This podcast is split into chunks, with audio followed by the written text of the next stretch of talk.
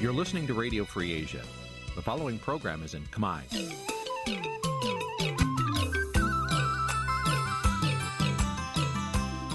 Nǐ chi càm bi tiệp xáy vệt chiu a zì sê ray នេះជាកម្មវិធីផ្សាយរបស់ Vithu Azisari ជាភាសាខ្មែរ វិទ្យុអាស៊ីសេរីសូមស្វាគមន៍លោកអ្នកនាងទាំងអស់ពីរដ្ឋធានី Washington នៃសហរដ្ឋអាមេរិក បាទពីរដ្ឋធានីវ៉ាស៊ីនតោនខ្ញុំបាទសេកបណ្ឌិតសូមជម្រាបសួរអស់លោកអ្នកនាងកញ្ញាទាំងអស់ជាទីមេត្រីយើខ្ញុំសូមជូនកម្មវិធីផ្សាយសម្រាប់ព្រឹកថ្ងៃពុធ900ខែកដិកឆ្នាំថោះបัญចស័កពុទ្ធសករាជ2567ត្រូវនៅថ្ងៃទី6ខែធ្នូគ្រិស្តសករាជ2023បាទជាដំបូងនេះសូមអញ្ជើញអស់លោកអ្នកនាងស្ដាប់ព័ត៌មានប្រចាំថ្ងៃដែលមានមេតិការដូចតទៅ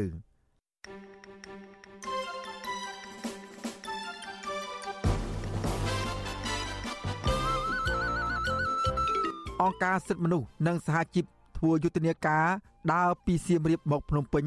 ដើម្បីដាស់ពលរដ្ឋឲ្យយល់ពីសិទ្ធិរបស់ខ្លួនអ្នកជំនាញថាចិននឹងមិនបោះបង់មហិច្ឆតារបស់ខ្លួន ក្នុងការគ្រប់គ្រងទន្លេមេគង្គនោះឡើយសង្គមស៊ីវិលប្រាប់អ្នករាយការណ៍ពិសេសរបស់អង្គការសហប្រជាជាតិថារដ្ឋាភិបាលថ្មី មិនទាន់កែលម្អស្ថានភាពសិទ្ធិមនុស្សនិងប្រជាធិបតេយ្យនោះទេ រួមនឹងព័ត៌មានសំខាន់សំខាន់មួយចំនួនទៀត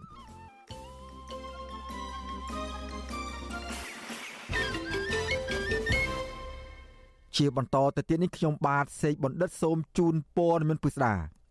សមាជិកសហជីព Nagavel ចំនួន4នាក់ដែលត្រូវបានក្រុមហ៊ុនបង្ខំឲ្យលាឈប់ពីការងារនៅមិនទាន់ចូលធ្វើការវិញនៅឡើយទេបើទោះបីជាក្រុមហ៊ុនធ្លាប់បានបំភ្លឺទៅអាជ្ញាធរថា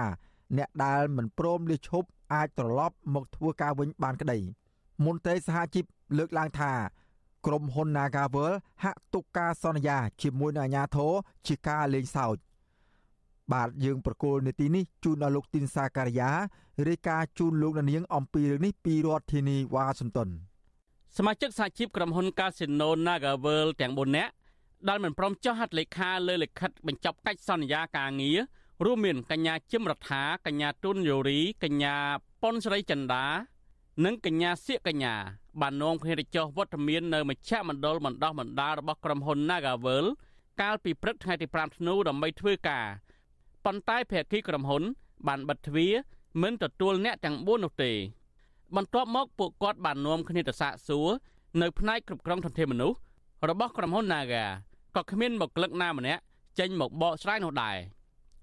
ក្នុងពេលជាមួយគ្នានោះសមាជិកសហជីព Nagavel ជាង20នាក់ក៏បាននាំគ្នាមកឃ្លាំមើលការវិលត្រឡប់មកធ្វើការវិញរបស់អ្នកទាំង4ដែរសមាជិកសហជីព Nagavel កញ្ញាជឹមរដ្ឋាប្រាប់វិទ្យុអាស៊ីសេរីកាលពីថ្ងៃទី5ធ្នូថាកញ្ញាចាត់ទុកការបញ្ឈប់បុគ្គលិកដែលជាសមាជិកសហជីពក្រុមហេតុផលមិនចង់បន្តកិច្ចសន្យាការងារជាការរើសអើងសហជីពនៅកន្លែងការងារ កញ្ញាស្នើដល់ស្នងការនគរបាលរាជធានីភ្នំពេញលោកសថេតអន្តរាគមដោះស្រាយពីបញ្ហានេះខ្ញុំត្រូវបានក្រុមហ៊ុនបញ្ឈប់បណ្ដឹងចេញពីការងារដកកាត់ការងារទាំងរើសអើងហើយហេតុផលគឺមានហេតុផលអីគឺគេអត់ចង់បន្តកិច្ចសន្យាគេចង់បញ្ចប់អានេះជាហេតុផលដែលគេផ្ដល់ឲ្យសម្រាប់ពួកខ្ញុំដែលជាកម្មករហើយបន្ទាប់មកក្រុមហ៊ុនបែរជាទៅបំភ្លៃព័ត៌មានបកស្រាយបំភ្លៃថាអត់មានបខំអត់មានបខាំងអត់មានបខំឲ្យបុគ្គលិកណាសញ្ញាបញ្ចប់កិច្ចសន្យាទេ សមាជិកសហជីព Nagavel ម្នាក់គឺកញ្ញាសៀកកញ្ញា បានឲ្យដឹងដែរថាកញ្ញាមកធ្វើការវិញនេះគឺតាមរយៈការឆ្លើយបំភ្លឺរបស់ក្រុមហ៊ុនទៅអាជ្ញាធរកាលពីពេលកន្លងទៅថាអ្នកដែលមិនព្រមបញ្ចប់កិច្ចសន្យាការងារអាចមកធ្វើការងារវិញបានប៉ុន្តែជាក់ស្ដែងក្រុមហ៊ុនមិនបានគោរពពាក្យសម្ដីរបស់ខ្លួននោះទេ ពេលឥឡូវជាក់ស្ដែងខ្ញុំមក check in គឺពួកខ្ញុំអត់អត់បានចូលដោយការខ្សែបំភ្លឺរបស់ក្រុមហ៊ុនទៅកាន់ស្នងការទេហើយចាក់សាបិទប្រាវត្តអីហើយអត់ចេញមកផ្ដល់ព័ត៌មានទេយើងស្នើសុំនិយាយថាឲ្យពួកគាត់ចុងមកប្រាប់មកថាឥឡូវហ្នឹងការបកស្រាយហ្នឹងមិនបាច់ពួកខ្ញុំចូលធ្វើការវិញបានអត់ពួកខ្ញុំសុំការធ្វើការវិញដែលក្រុមហ៊ុនបានដកកាត់ការងារទាំងមួយខំឲ្យបដិញពួកខ្ញុំចេញទាំងមួយខំហ្នឹងអត់មានអ្នកណាចេញមកទាំងអស់បងស្ងាត់ជ្រាបអត់ឆ្លើយតបមកយើងអីទាំងអស់វាយើងមើលឃើញថានេះជាការរើសអើងហើយជាការរំលោភសិទ្ធិការងារពីសំណាក់ក្រុមហ៊ុនណាកាវ ស្នងការដ្ឋាននគរបាលរាជធានីភ្នំពេញកាលពីថ្ងៃទី22វិច្ឆិកាបានចេញលិខិតបំភ្លឺថាពុំបានបង្ខាំងមនុស្សនៅមជ្ឈមណ្ឌលបណ្ដោះបណ្ដាល Naga នោះទេក៏ប៉ុន្តែគឺជាការចរចាលើកិច្ចសន្យាការងាររវាងបុគ្គលិកនិងតំណាងថាការក្រុមហ៊ុនតែប៉ុណ្ណោះលិខិតដដែលបញ្ជាក់ថាបើសិនជាខាងភៀកគីបុគ្គលិកមិនចង់លាឈប់ពីការងារអាចចូលធ្វើការវិញបាន និងចំពោះអ្នកដែលផ្អាកពីការងារ ក្រុមហ៊ុននឹងផ្ដល់ថវិកាជូនសហជីពត្រត្រង់សិទ្ធិការងារបុគ្គលិកកម្មករខ្មែរប្រចាំក្រុមហ៊ុន Nagavel កាលពីថ្ងៃទី1ធ្នូបានចេញលិខិតឆ្លើយតបទៅស្នងការនគរបាលរាជធានីភ្នំពេញដែលឲ្យបុគ្គលិកទាំង4នាក់ដល់ថាកែ Naga បានបញ្ចប់ការងារនោះនឹងចូលធ្វើការវិញនៅថ្ងៃទី5ធ្នូវិទ្យុអសិរ័យមិនអាចតតងអ្នកគ្រប់គ្រងផ្នែកធនធានមនុស្សនៃក្រុមហ៊ុន Nagavel អ្នកនាំពាក្យស្នងការដ្ឋាននគរបាលរាជធានីភ្នំពេញលោកសំវិជ្ជការ ដើម្បីសំសួរអំពីបញ្ហានេះបានឡើយទេកាលពីថ្ងៃទី5ធ្នូប្រធានសហព័ន្ធសហជីពកម្មករចំណីអាហារនិងសេវាកម្មកម្ពុជាអ្នកស្រីអ៊ូទេផូលីន មានប្រសាសន៍ថា ការឆ្លើយបំភ្លឺរបស់ក្រុមហ៊ុន Nagavel ទៅកាន់អាជ្ញាធរគឺបង្ហាញពីការរំលោភសិទ្ធិមនុស្សធ្ងន់ធ្ងរអ្នកស្រីលើកឡើងថាក្រុមហ៊ុន Nagavel ហាក់បីដូចជាលេងសើចចំពោះស្ថាប័នរដ្ឋ ហើយមិនគោរពពាក្យសម្ដីដែលបំភ្លឺជូនអាជ្ញាធរ ខ្ញុំសំណូមពរទៅវិញទៀតថាបដរដ្ឋាភិបាលមិនគួរឲ្យក្រុមហ៊ុនទាំងអស់ហ្នឹងមានសកម្មភាពឬក៏មានភាពក្អើតកតោមទៅលើផ្លូវច្បាប់អញ្ចឹងទេគួរតែដោះលែងឈឹមស៊ីធឲ្យមានសេរីភាពហើយទុកឲ្យក្រុមហ៊ុនជាមួយនឹងថ្នាក់ដឹកនាំសហជីពគេជជែកដោះស្រាយបញ្ហាហើយមានតការប្រកបបញ្ជាឲ្យក្រុមហ៊ុនហ្នឹងបញ្ឈប់ការរើសអើងសហជីពបើសិនជាក្រុមហ៊ុនហ្នឹងមិនមានអ្នកណាគេការពារនៅពីក្រោយខ្នងទេក៏ខ្ញុំមើលឃើញថាក្រុមហ៊ុនហ្នឹងក៏រៀងអញើតដែរ សហជីព Nagavel ឲ្យដឹងថាចាប់ពីថ្ងៃទី13ដល់ថ្ងៃទី17វិច្ឆិកាឆ្នាំ2023កម្មករចំនួន73នាក់ត្រូវបានក្រុមហ៊ុន Nagavel យកទៅទុកនៅមជ្ឈមណ្ឌលបណ្ដោះបណ្ដាលនិងមិនឲ្យចូលបម្រើការងារនៅក្នុងក្រុមហ៊ុនវិញក្នុងនោះកម្មករ72នាក់ត្រូវបានក្រុមហ៊ុនបង្ខំឲ្យបញ្ចប់កិច្ចសន្យាការងារហើយបុគ្គលិកម្នាក់ទៀតជាប់លំហែមិត្តភាពក្រុមហ៊ុនមិនទាន់តាក់ទងបញ្ចប់កិច្ចសន្យាការងារនៅឡើយក្នុងចំណោមបុគ្គលិក72នាក់នោះ មានកម្មករជាស្ត្រីកំពុងតែមានផ្ទៃពោះចំនួន5នាក់សហជីព Nagavel លើកឡើងថាការរំលាយកិច្ចសន្យាការងារក្រោមហេតុផលក្រុមហ៊ុនមិនចង់បន្តកិច្ចសន្យាការងារបានបញ្ជាក់ថាក្រុមហ៊ុន Nagavel កំពុងតែរើសអើងបុគ្គលិកហើយបញ្ឈប់ការងារពួកគេសហជីពស្នើដល់ថៅកែក្រុមហ៊ុននិងរដ្ឋាភិបាលទម្លាក់ចោលការចាប់ប្រកាន់និងដោះលែងប្រធានសហជីព Nagavel កញ្ញាឈឹមស៊ីធនិងត្រូវទទួលយកសមាជិកសហជីពដែលនៅសេសសល់ ឲ្យចូលបម្រើការងារវិញខ្ញុំបាទទីនសាការីយ៉ាអស៊ីសេរី ប្រធានាធិបតី Washington បាទលោកអ្នកនាងកញ្ញាជាទីមេត្រីពាក់ព័ន្ធនឹងទំនាក់ទំនងស្អិតរមួតរវាងកម្ពុជានិងប្រទេសវៀតណាមវិញគណៈប្រតិភូវៀតណាមដែលមកបំពេញទស្សនកិច្ចនៅប្រទេសកម្ពុជារយៈពេល4ថ្ងៃគឺចាប់ពីថ្ងៃទី30ខែវិច្ឆិកាដល់ថ្ងៃទី3ខែធ្នូស្នើសុំដល់ភាគីកម្ពុជាជាថ្មីម្ដងទៀតឲ្យយកចិត្តទុកដាក់ និងជួយគាំទ្រដល់សមាគមនិងជនជាតិវៀតណាម ដែលរស់នៅនិងរកស៊ីនៅកម្ពុជា សកម្មជនកិច្ចព្រមព្រៀងសន្តិភាពទីក្រុងប៉ារីសចាត់ទុកការស្នើសុំឡើងវិញនេះជាការយកប្រៀបរបស់វៀតណាមមកលើកម្ពុជា ស្របពេលអាញាធរវៀតណាម តែងតែធ្វើទុកបុកម្នេញលើពលរដ្ឋខ្មែរកម្ពុជាក្រោមប៉ុន្តែរដ្ឋាភិបាលកម្ពុជា ហាក់មិនអើពើរវីរវល់ចំពោះបញ្ហានេះឡើយ។ បាទលោកអ្នកនាងនឹងបានស្ដាប់សេចក្តីរាយការណ៍អំពីរឿងនេះនាពេលបន្តិចទៀត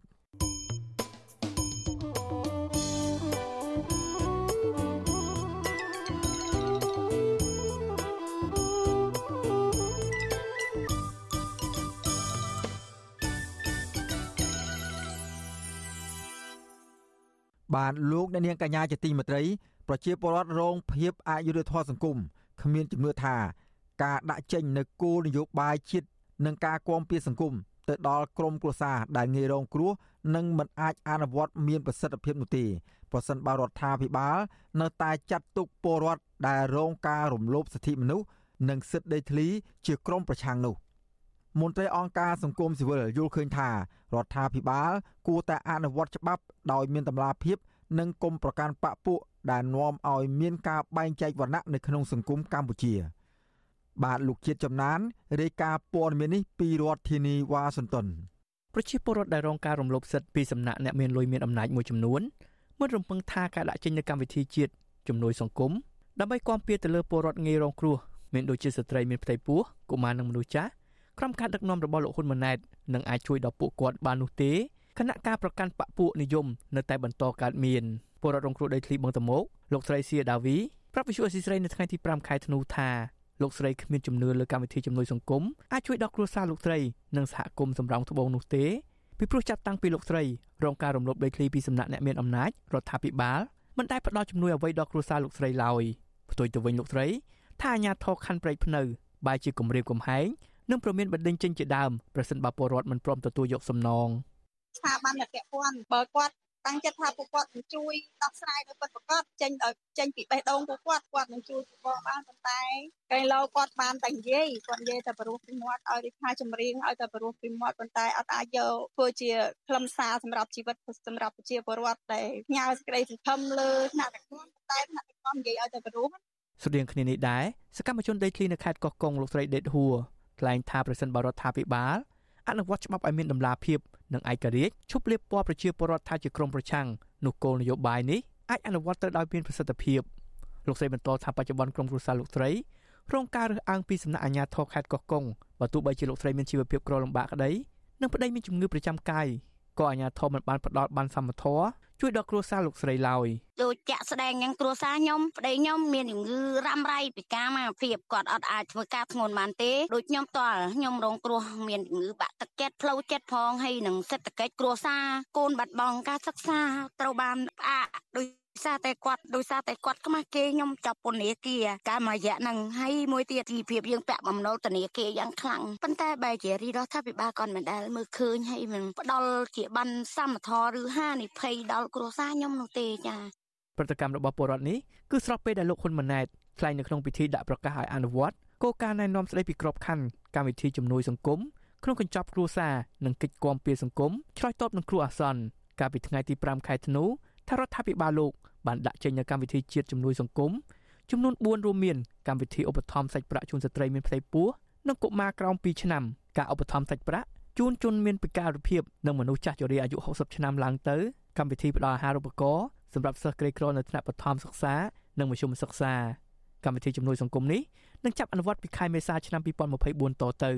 នៅក្នុងន័យនេះគឺទាមទារឲ្យរាជរដ្ឋាភិបាលត្រូវយកចិត្តទុកដាក់រាជរដ្ឋាភិបាលជាគូការនៅក្នុងស្មារតីមិនទុកអ្នកណាម្នាក់ចោលដោយមិនបានចាយកចិត្តទុកដាក់នោះទេរាជរដ្ឋាភិបាលយើងមិនមែនធ្វើសកម្មភាពតែពេលល្អពេលដែលលំបាកទុកប្រជាជនចោលនោះទេប៉ុន្តែរាជរដ្ឋាភិបាលគឺជារដ្ឋាភិបាលមួយដែលបរិយាសកម្មបើទោះបីជាលោកហ៊ុនម៉ាណែតថ្លែងថាលោកមិនទុកពលរដ្ឋណាម្នាក់ចោលក្តី ក៏កន្លងទៅពលរដ្ឋរងការរំលោភដីធ្លីនិងការរំលោភសិទ្ធិមនុស្សតែងតែសុំកិច្ចអន្តរាគមន៍ពីលោកឲ្យជួយដោះស្រាយបញ្ហារបស់ពួកគាត់ដើម្បីអាចឲ្យពួកគាត់រស់នៅជួបជុំគ្រួសារនិងមានលទ្ធភាពអាចរកប្រាក់ចិញ្ចឹមជីវិតក៏ប៉ុន្តែលោកហ៊ុនម៉ាណែតបែរជាបិទភ្នែកបិទត្រចៀកធ្វើមិនដឹងមិនឮពីការដង្ហើយហៅរបស់ពលរដ្ឋទាំងនោះទៅវិញជំវិញបញ្ហានេះអ្នកនាំពាក្យសមាគមការពារសិទ្ធិមនុស្សអាត់ហុកលោកសង្សានករណីសង្កេតឃើញថារដ្ឋាភិបាលនៅតែរើសអើងចំពោះសកម្មជនសង្គមសកម្មជននយោបាយនិងដីធ្លី បើទោះបីជាពួកគាត់ប្រឈមនឹងបញ្ហាជីវភាពខ្វះខាតយ៉ាងណាក្តីលោកបន្តថារដ្ឋាភិបាល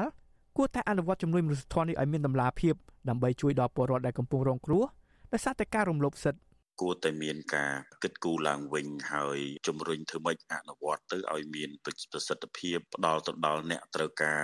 និងជាចាំបាច់ឲ្យចំទិសដៅណាជៀសវាងទៅជាការខាតបង់នៅថវិកាជាតិហើយมันបានជួយទៅដល់ពលរដ្ឋដែលលោករងគ្រោះលោកត្រូវការជំនួយទាំងអស់ហ្នឹងអញ្ចឹងវាស្មើនឹងมันមានប្រសិទ្ធភាពហើយក៏នៅតែมันអាចដោះស្រាយនៅបញ្ហាដែលស្របតាមគោលបំណងរបស់គម្រោងទាំងអស់ហ្នឹងដែរបាទប្រជាពលរដ្ឋ ស្នើឲ្យរដ្ឋាភិបាលលោកហ៊ុនម៉ាណែតបញ្ឈប់ការរើសអើងនិងចោទប្រកាន់ទៅលើពួកគាត់ដែលជាជនរងគ្រោះនិងអនុវត្តច្បាប់ដោយឈលលើគោលការណ៍ឯករាជ្យមិនប្រកាន់បកពួកដើម្បីឲ្យពលរដ្ឋកំពុងរងគ្រោះអាចទទួលបានជំនួយពីរដ្ឋាភិបាលខ្ញុំបាទជាចំណាន Visual ស៊ីស្រីប្រធានាទី Washington បាទលោកអ្នកនាងកញ្ញាជាទីមេត្រីពាក់ព័ន្ធនឹងបញ្ហាបរិស្ថានទន្លេមេគង្គនិងការរក្សាអាងទន្លេមេគង្គវិញ អ្នកជំនាញនិងសកម្មជនបរិស្ថានលើកឡើងថាប្រទេសចិន នឹងមិនបោះបង់នៅមហិច្ឆតាគ្រប់គ្រងទន្លេមេគង្គនោះទេខណៈការអភិវឌ្ឍទំនប់វារីអគ្គិសនីរបស់ចិនកន្លងមកពុំខ្វាយខ្វល់គិតគូរពីតម្លាភាពបរិស្ថាន និងសិទ្ធិរបស់ប្រជាសហគមន៍ដែលរស់នៅតាមដងទន្លេមេគង្គ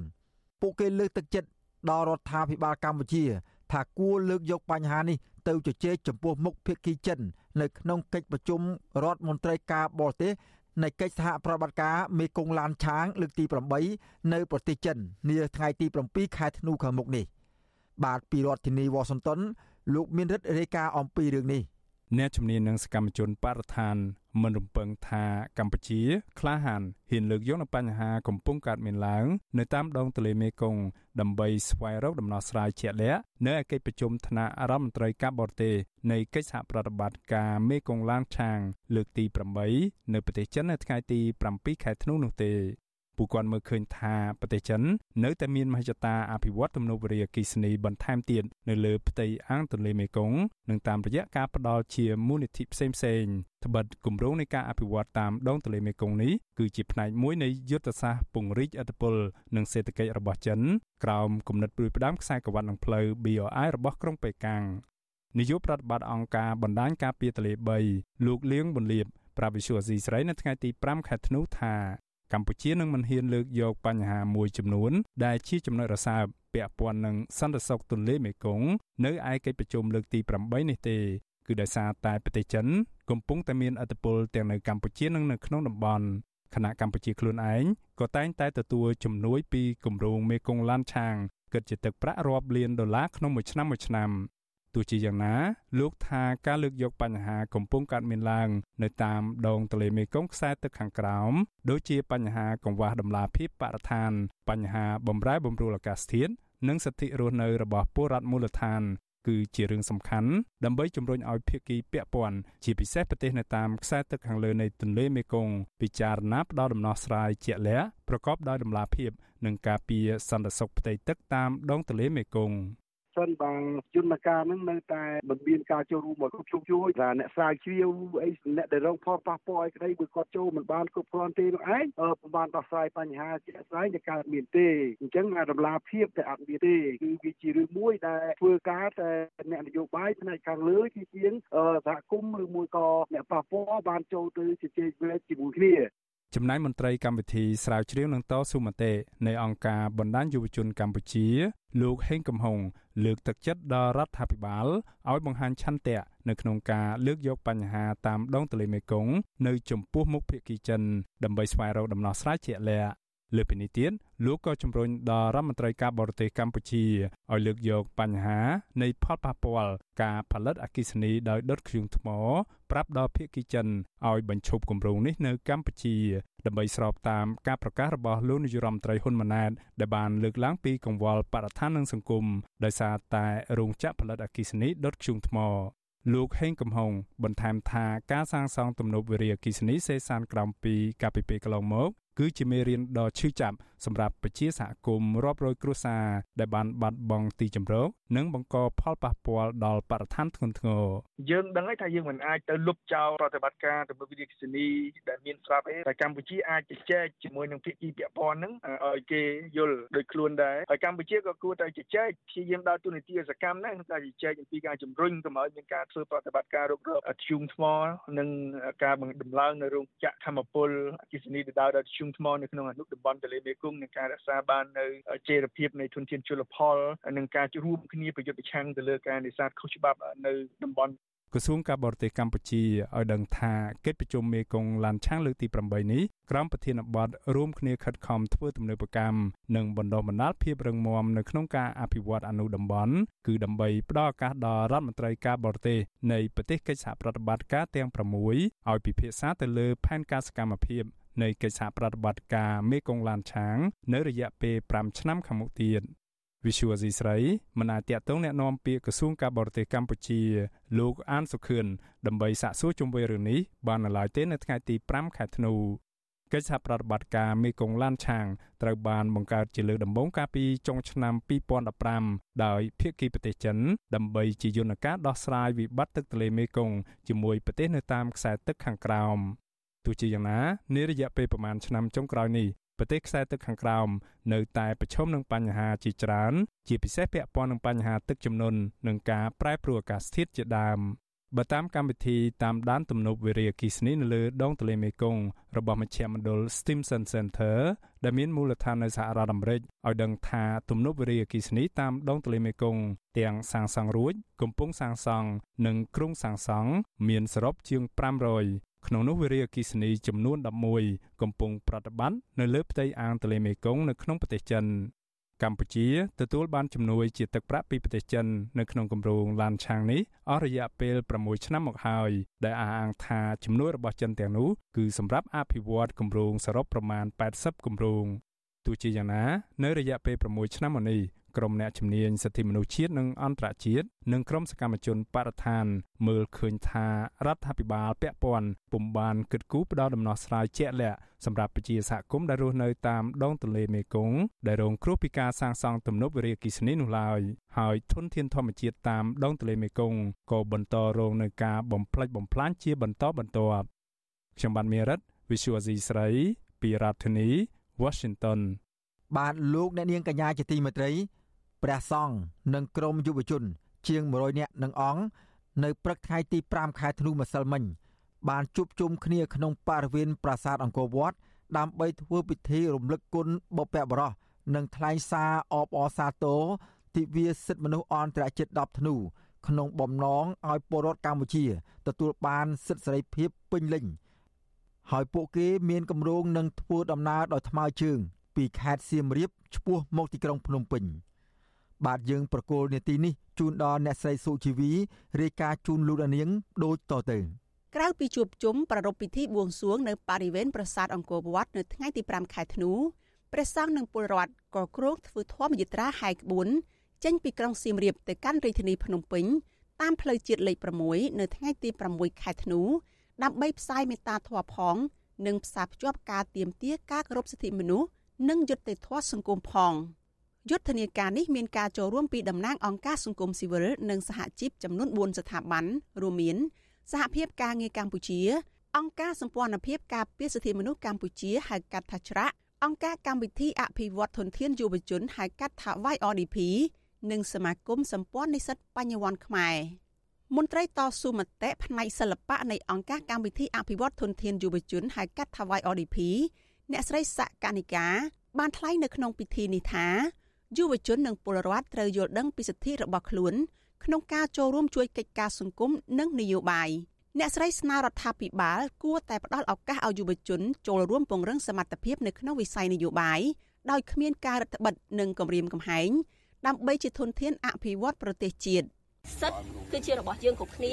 យើងគ្រប់គ្នាត្រូវចូលរួមនៅក្នុងការការពារទៀមទាហើយនឹងមិនឲ្យមានបកគលណាមករំលោភសិទ្ធិរបស់យើងដោយយើងយោងតាមច្បាប់ដែលមាននៅក្នុងប្រទេសកម្ពុជាផងដែរ ក្រុមយុវជនបានដុតធូបនៅក្នុងបរិវេណប្រាសាទអង្គរវត្តនៅខាងមុខរូបចម្លាក់អ្នកតារាជដើម្បីរំលឹកគុណបុព្វបុរសដែលពលីជីវិតការពារជាតិមាតុភូមិរីឯមន្ត្រីអាជ្ញាធរអប្សរាបានតាមឃ្លាំមើលនិងសួរនាំរកលិខិតអនុញ្ញាតប៉ុន្តែពួកគេមិនបានរៀបរៀងពិធីជួបជុំនោះទេដោយសារក្រសួងមហាផ្ទៃបានចេញលិខិតអនុញ្ញាតឲ្យប្រារព្ធពិធីនេះចំណែកប្រធានសមាគមសម្ព័ន្ធនិស្សិតបញ្ញវន្តខ្មែរលោកកើតសរាយប្រាប់វិទ្យុអាស៊ីសេរីថា យុទ្ធនាការនេះបំណងផ្ញើសារអរដ្ឋាភិបាលត្រូវធានាសេចក្តីថ្លៃថ្នូរសេរីភាព និងយុត្តិធម៌ដល់ពលរដ្ឋគ្រប់រូបលោកថ្លែងថាពិធីនេះក៏មានការផ្សព្វផ្សាយមេត្តាចិត្តនិងសិទ្ធិមនុស្សទៅដល់ពលរដ្ឋដែលរស់នៅតាមដងផ្លូវជាតិលេខ6 ដើម្បីធ្វើឲ្យរដ្ឋាភិបាលមើលឃើញថាការចង់ស្រេកឃ្លានចង់បានសិទ្ធិចង់ឲ្យរដ្ឋាភិបាលគ្រប់សិទ្ធិគឺពលរដ្ឋខ្មែរមានច្រើនណាស់ដែលកំពុងត្រូវការវាមន្ត្រីអាជ្ញាធរតាមថ្នាក់មូលដ្ឋានចូលរួមជាមួយយើងជាជាងដែលរដ្ឋបတ်គឺការចូលរួមលើកទឹកចិត្តពីព្រោះគោលដៅរបស់យើងគឺធ្វើយ៉ាងណាធានាថាប្រជាពលរដ្ឋខ្មែរនឹងរស់ដោយសេចក្តីថ្លៃថ្នូរនៅក្នុងមុខច្បាប់ទាំងអស់គ្នាបាទប្រធានសហភាពការងារកម្ពុជាលោកអាត់ធុនថ្លែងនៅក្នុងពិធីនោះថាបច្ចុប្បន្នសិទ្ធិកម្មករធ្លាក់ចុះហើយសិទ្ធិជួបជុំជាសាធារណៈក៏បាត់បង់ទៀត លោកស្នើឲ្យរដ្ឋាភិបាលពិចារណាឡើងវិញនៅក្នុងការកែប្រែច្បាប់ស្តីពីសហជីពដែលជាច្បាប់កាត់បន្ថយសិទ្ធិកម្មករយើងចង់ឃើញកម្ពុជារបស់យើងដើរតាមគោលការណ៍រដ្ឋធម្មនុញ្ញមានន័យថាអនុវត្តបានជាប់ខ្លួននៅសិទ្ធិមនុស្សហើយមានចែងនៅក្នុងរដ្ឋធម្មនុញ្ញជាពិសេសគឺមាត្រា31បានបញ្ជាក់ច្បាស់ហើយថាកម្ពុជាទទួលស្គាល់និងអនុវត្តរាល់កតិកាសញ្ញាអនុសញ្ញាទាំងឡាយដែលមានចែងនៅក្នុងអង្គការសហជីវជាតិហើយជាពិសេសគឺសិទ្ធិផ្សេងផ្សេងទៀតដែលមានចែងនៅក្នុងច្បាប់ វិទ្យុអាស៊ីសេរីនៅមិនទាន់អាចតាក់ទងសុំការបំភ្លឺរឿងនេះពីអ្នកនាំពាក្យគណៈកម្មាធិការសិទ្ធិមនុស្សកម្ពុជាលោកស្រៀងចន្ទាបាននៅឡើយទេ នៅថ្ងៃទី5ខែធ្នូដោយទូរស័ព្ទហៅចូលតែគ្មានអ្នកលើកប្រធានអង្គការសម្ព័ន្ធភាពការពារសិទ្ធិមនុស្សកម្ពុជាហៅកាត់ថាច្រាក់លោករស់សថាបានថ្លែងនៅក្នុងពិធីនោះថាពលរដ្ឋទាំងអស់ត្រូវរួមគ្នាលើកកម្ពស់សិទ្ធិមនុស្សហើយមនុស្សគ្រប់រូបមិនថារាជឬអ្នកនយោបាយឡើយត្រូវមានសិទ្ធិស្មើគ្នាចំពោះមុខច្បាប់ លោកបន្ថែមថារដ្ឋធម្មនុញ្ញកម្ពុជា បានទទួលស្គាល់ការគោរពសិទ្ធិមនុស្សហើយរដ្ឋាភិបាលកម្ពុជាក៏ជាប់កាតព្វកិច្ចគោរពសិទ្ធិមនុស្សដែរកម្ពុជាជាប់កាតព្វកិច្ចក្នុងការអនុវត្តសិទ្ធិមនុស្សហើយរដ្ឋមានកាតព្វកិច្ច3សំខាន់គឺគោរពការពារនិងបំពេញបំពេញបន្ថែមលើផ្លូវច្បាប់ដែលខ្វះខាតដើម្បីធានាថាមនុស្សយើងត្រូវបានលើកតម្កើងមិនមែនធ្វើច្បាប់ដើម្បីឲ្យសិទ្ធិនឹងកាន់តែរួមតូចឬក៏ចង្អៀតទេពិបាកអនុវត្តទេនៅថ្ងៃទី6ខែធ្នូក្រមយុវជននិងព្រះសង្ឃ នឹងធ្វើធម្មយាត្រាថ្មើរជើង តាមផ្លូវជាតិលេខ6ចាប់ពីចំណុចទីរួមខេត្តសៀមរាបឆ្ពោះទៅផ្សារដំដែកនៅក្នុងស្រុកសូនីគុំហើយបន្តជួបជុំគ្នាម្ដងទៀតក្នុងរាជធានីភ្នំពេញដើម្បីប្រារព្ធទិវាសិទ្ធិមនុស្សអន្តរជាតិជាទ្រង់ទ្រាយធំ នៅថ្ងៃទី10ខែធ្នូនៅទីលានប្រជាធិបតេយ្យពួកគេអំពាវនាវឲ្យពលរដ្ឋរស់នៅតាមដងផ្លូវចូលរួមដង្ហែក្បួនដើម្បីបង្ហាញពីចិត្តមនុស្សធម៌ និងការផ្ដល់តម្លៃលើការអនុវត្តសិទ្ធិមនុស្សជាសកល នាងខ្ញុំសុជីវី Vithu Azizi Serai ពីរដ្ឋធានី Washington បានលោកនាងកញ្ញាជាទីមេត្រីតកតងនឹងធម្មយត្រា ដើម្បីលើកស្ទួយសិទ្ធិមនុស្សនេះដែរក្រុមមេដឹកនាំអង្គការសិទ្ធិមនុស្សចំនួន28រួមទាំងមេដឹកនាំសហជីពផង ដែលនឹងមានអ្នកចូលរួមប្រមាណ100នាក់រួមទាំងប្រសង់ផង នឹងចាប់ផ្ដើមចេញដំណើរពីទីកន្លែងសក្ការៈព្រះអង្គជ័យព្រះអង្គចោមនៅក្នុងខេត្តសៀមរាបនៅព្រឹកថ្ងៃពុធទី6ដល់ថ្ងៃទី10ធ្នូដើម្បីមកជួបជុំគ្នានៅទីលានប្រជាធិបតេយ្យក្នុងរាជធានីភ្នំពេញប្រធានអង្គការច្រាក់លោករស់សុថាបញ្ជាក់ថាគោលបំណងធ្វើធម្មយាត្រានេះគឺដើម្បីរំលឹកដល់ពលរដ្ឋឲ្យយល់ដឹងអំពីសិទ្ធិរបស់ខ្លួន លោកបន្ថែមថាក្បួនធម្មយាត្រានេះ នឹងជួបជុំគ្នានៅទីលានប្រជាធិបតេយ្យប្រមាណ3000នាក់នៅក្នុងរាជធានីភ្នំពេញដើម្បីប្រារព្ធទិវាសិទ្ធិមនុស្សអន្តរជាតិរួមគ្នា បាទសូមលោករនាង ស្ដាប់បទសម្ភាសរបស់លោកទីនសាការីយ៉ាជាមួយនឹងលោករស់សុថាអំពីរឿងនេះដូចតទៅបាទលោករស់សុថាឃើញថានៅថ្ងៃនេះខាង អង្គការរបស់លោកនិងអង្គការផ្សេងៗទៀតប្រមាណជា28អង្គការនិងសហជីពនឹងបានធ្វើធម្មយត្រាមួយនៅខេត្តសៀមរាបតើធម្មយត្រានេះមានគោលបំណងអ្វីសំខាន់ទៅលោកបាទបាទយើងគោលបំណងរបស់យើងគឺថាសបផ្សាយអំពីអត្តន័យនៃសិទ្ធិមនុស្សបាទហើយយើងឃើញថាដែលសិទ្ធិមនុស្សនិងពុទ្ធសាសនានេះគឺថាវាមានការពាក់ព័ន្ធគ្នាគឺគោលដៅសំខាន់បំផុតនៃសិទ្ធិមនុស្សឬក៏ពុទ្ធសាសនាហ្នឹងគឺ ឲ្យមនុស្សយើងមានសេចក្តីសុខនឹងគ្នាហើយសេចក្តីសុខនោះវាកើតមានបានលុះត្រាតែយើងមានការគោរពលើសេចក្តីថ្លៃថ្នូររបស់មនុស្សហើយមានសិទ្ធិសេរីភាពនិងមានយុត្តិធម៌ក្នុងសង្គមចំណុចទាំងប្រមាណនេះសំខាន់ណាគឺវាមានការពាក់ព័ន្ធគ្នាហើយក្នុងឱកាសនេះគឺថាស្របទៅតាមនៃមូលបត់របស់អង្គការសិទ្ធិជាតិពាក់ព័ន្ធនឹងសេរីថ្លៃថ្នូរសេរីភាពនិងយុត្តិធម៌ដែលមើលឃើញថាសប្តាហ៍នេះមនុស្សជាតិយើងខ្វះការគ្រប់គ្នាទៅវិញទៅមកហើយ ពិសេសគឺថាមានការរំលោភសិទ្ធិមនុស្សច្រើនយើងបញ្ជាក់ឲ្យឃើញថាការរំលោភសិទ្ធិមនុស្សហ្នឹងគឺមានសភាពកាន់តែធ្ងន់ធ្ងរទៅពិសេសទៅទៀតនោះគឺមានការរំលោភសិទ្ធិមនុស្សតាមប្រព័ន្ធអនឡាញទៅទៀតបាទលោករដ្ឋាអ្វីដែលជាកត្តាសំខាន់ដែលយើងមើលកន្លងមកនៅកម្ពុជាការរំលោភសិទ្ធិមនុស្សមានចូលហែហើយពិសេសគិតតាំងពីឆ្នាំ2017មកក្រោយពីរំលាយគណៈបកប្រឆាំងវត្តមានគណៈបកប្រឆាំងនៅក្នុងប្រទេសកម្ពុជាលែងមាន ហើយខាង គណៈបកដែលដឹកនាំរដ្ឋាភិបាលឬក៏រដ្ឋាភិបាលនឹងហាក់បីដូចជីសេះលែងដៃហើយសកម្មភាពរបស់អង្គការសង្គមស៊ីវិលហាក់បីដូចជាថមថយដែរតកតងនឹងសេរីភាពនៅក្នុងការបំពេញការងាររបស់ខ្លួននឹងការទៀមទាសិទ្ធិសេរីភាពនឹងប៉ុន្តែអឺហេតុអីបានជាអង្គការសង្គមស៊ីវិលផ្នែកសិទ្ធិមនុស្សទាំងសហជីពផងពីមុនយើងឃើញថាមានអំពើអយុត្តិធម៌គឺនាំគ្នាទៀមទាសិទ្ធិរបស់ខ្លួនធ្វើបាតកម្មអីចឹងទៅទៀមទាដាក់សម្ពាធទៅខាងរដ្ឋាភិបាល ប៉ុន្តែឥឡូវហាក់បែរជាមកខាងធ្វើធម្មយត្រាហើយងាកមកខាងធ្វើតាមបែបពុទ្ធសាសនាវិញនេះបាទអ្វីជាកលឹះសំខាន់នោះបាទចំណុចទី1ដែលសំខាន់គឺខ្ញុំចង់ជម្រាបជូនលោកសាការីយ៉ាក៏ដូចជាសាធារណជនបានជម្រាបថាអ្នកនយោបាយមួយចំនួនតែងតែថាដែលមើលឃើញសិទ្ធិមនុស្សនឹងជាជាជាការជិតសង្កត់ទៅលើការអនុវត្តរបស់ខ្លួនហើយដូចជាខ្លះគិតថាសិទ្ធិមនុស្សជានយោបាយ ជាការធ្វើឲ្យមានឥទ្ធិពលលើកម្ពុជាជាដើមក៏ប៉ុន្តែសិទ្ធិនេះនឹងអង្គការសិទ្ធិជាតិបាននិយាយរហូតដល់ថាជា DNA របស់ប្រជាជាតិជាមនុស្សជាតិទៅទៀតកើតមកគឺថាវាមានសិទ្ធិមនុស្សនឹងមកជាមួយហើយក្នុងវប្បធម៌របស់ខ្មែរយើងគឺថានៃសិទ្ធិមនុស្សនឹងវាកើតមានតាំងពីយូរមកហើយតាំងពីសម័យអង្គរមុនដែលយើងមុនតាំងយើងមានពុទ្ធសាសនាទៅទៀតគឺថាគឺព្រមវិហារធរហ្នឹងមេត្តាករណាមុទិតាឧបេក្ខាជាដើមហ្នឹងគឺសិទ្ធិសិទ្ធិមនុស្សហើយ ហើយក្នុងពុទ្ធសាសនាបានពង្រីកដែលសិទ្ធិមនុស្សហ្នឹងកាន់តែខ្លាំងទៅទៀតបាទឲ្យមនុស្សយើងមានសិទ្ធិសេរីភាពមានសេរីភាពរហូតដល់ព្រះនិព្វានគឺថាមនុស្សយើងកើតមកមិនចង់ឲ្យមានសិទ្ធិនៅក្រោមការគៀបសង្កត់របស់កិលេសតណ្ហាឬក៏អ្នកដតីទេគឺថាយើងឲ្យរស់នៅមានសេរីភាពសុខសេរីភាពទាំងអស់ហ្នឹងគឺជាសេចក្តីសុខរបស់មនុស្សតែបើមនុស្សរស់នៅគ្មានសេចក្តីថ្លៃថ្នូរមានគ្មានសេរីភាពទេអឺ គ្មានយុទ្ធធម៌ទេក៏គ្មានដែរសេចក្តីស្នុកសេចក្តីសុខហ្នឹងហើយវាមិនមែនជារឿងអ្វីដែលថ្មីទេអញ្ចឹងបានតែយើងត្រូវធ្វើធម្មយត្រាហ្នឹងឲ្យបង្ហាញឲ្យឃើញថាពុទ្ធសាសនានិងសិទ្ធិមនុស្សដើរទន្ទឹមគ្នាក្នុងការធ្វើឲ្យមនុស្សយើងគឺតែមានសេចក្តីសុខបាទលោករុស្ថាជាការពិតណាស់ដែលលោកបានលើកឡើងនឹងព្រះពុទ្ធសាសនាឬក៏ស្នះសាសនាណាក៏ដោយក៏មានចែងអំពីការគោរពសិទ្ធិមនុស្សឬក៏ព្រមវិហារធម៌មេត្តាធម៌នឹងដែរក៏ប៉ុន្តែ អ្វីដែលជាកត្តាសំខាន់នឹងយើងមើលសមាជិកអ្នកដឹកនាំអ្នកធ្វើការទាំងអស់នៅក្នុងប្រទេសនឹងគឺ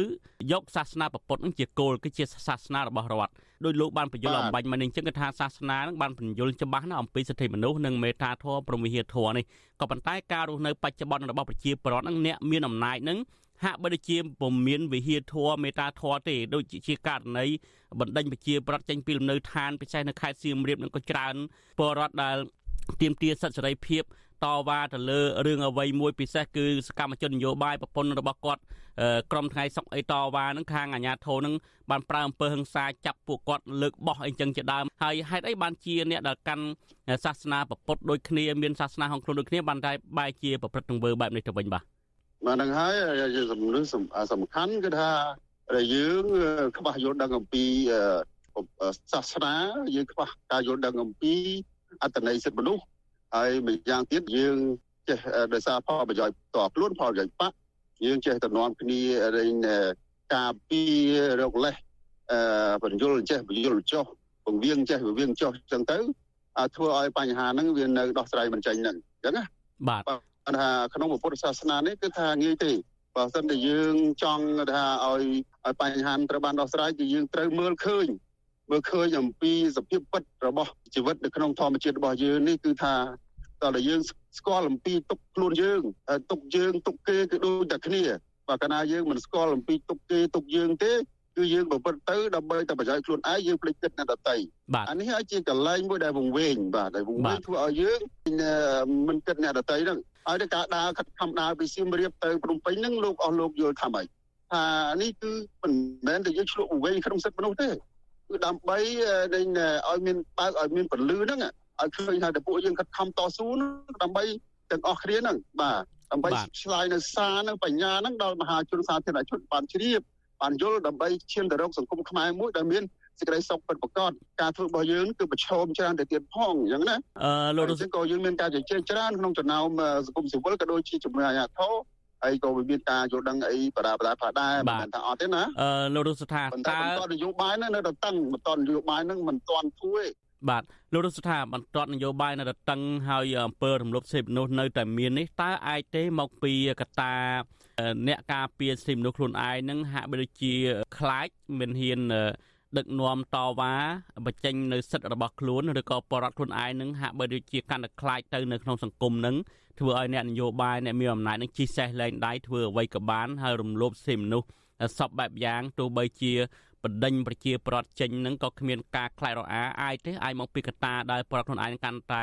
រដ្ឋបတ်ខ្លួនឯងហើយធ្វើឲ្យអ្នកនយោបាយនឹងកាន់តែមានមានអំណាចកាន់តែខ្លាំងធ្វើអីសាច់ទៅចិត្តទេ វាកត្តាវាមានពីរកត្តាទី1គឺកត្តានៃអ្នកដែលមានអំណាចបាទមានកំភ្លើងមានអំណាចអត់ទេយើងនិយាយសម័យថាមានអំណាចទៅចឹងណាអំណាចនឹងមានតាំងពីអំណាចស្ដីធ្វើស្ដីសម្រេចចិត្តសម្រេចក្នុងការដាក់ទោសតន់អីជាដើមនឹងគឺថាហើយទី2ហ្នឹងគឺទៅពាក់ព័ន្ធទៅលើគេហៅថាអឺប្រជាពលរដ្ឋដល់ខ្លួនឯងផងដែរអាហ្នឹងវាពាក់ព័ន្ធទាំងពីរណាប៉ុន្តែរឿងធំហ្នឹងគឺថាខ្ញុំបដោតទៅលើអ្នកដឹកនាំវិញទេ បាទព្រោះអ្នកដឹកនាំហ្នឹងគឺជាអ្នកដែលមានឱកាសមានលទ្ធភាពគ្រប់បែបយ៉ាងដែលអាចធ្វើមានការផ្លាស់ប្ដូរជាដុំកំពូនប៉ុន្តែបើលោកមិនមានសុចន្ទៈក្នុងការដែលកែលម្អអាហ្នឹងទេគឺថាយើងមិនអាចសង្ឃឹមប្រជាពលរដ្ឋឲ្យធ្វើ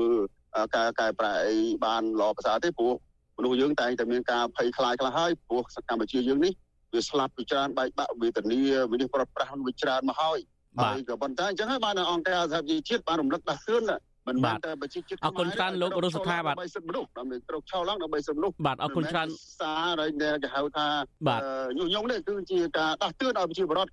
ស្គាល់សិទ្ធិខ្លួនឯងបើយើងមិនស្គាល់សិទ្ធិខ្លួនឯងទេគឺយើងមិនអាចរកដីសេចក្តីសុខសម្រាប់ខ្លួនយើងបានទេបាទបាទអរគុណច្រើនលោករស់សថាបាទអរគុណច្រើនទានបានជួបសភាជាមួយយើងខ្ញុំបាទបាទលោកអ្នកនាងទើបបានស្ដាប់បទសម្ភាសរបស់លោកទីនសាការីយ៉ាជាមួយនឹងលោករស់សុថាប្រធានអង្គការច្រាក់ អំពីក្រមអង្គការសង្គមស៊ីវិលនិងសហជីពធ្វើយុទ្ធនាការដាស់ឲ្យពលរដ្ឋយល់ដឹងអំពីសិទ្ធិរបស់ខ្លួន។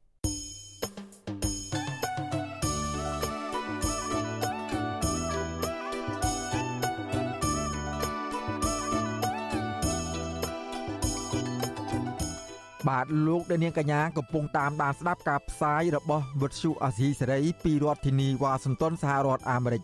ក្រៅពីអស់លោកដានៀងតាមដានស្ដាប់ការផ្សាយរបស់យើងខ្ញុំតាមរយៈបណ្ដាញសង្គមមាន Facebook YouTube និង Telegram ជាដើមនោះលោកដានៀងក៏អាចស្ដាប់ការផ្សាយរបស់វិទ្យុអាស៊ីសេរីតាមរយៈវិទ្យុរលក ធាតុអាកាសខ្លី ដែលមានកម្រិតនិងកម្ពស់ដូចតទៅនេះ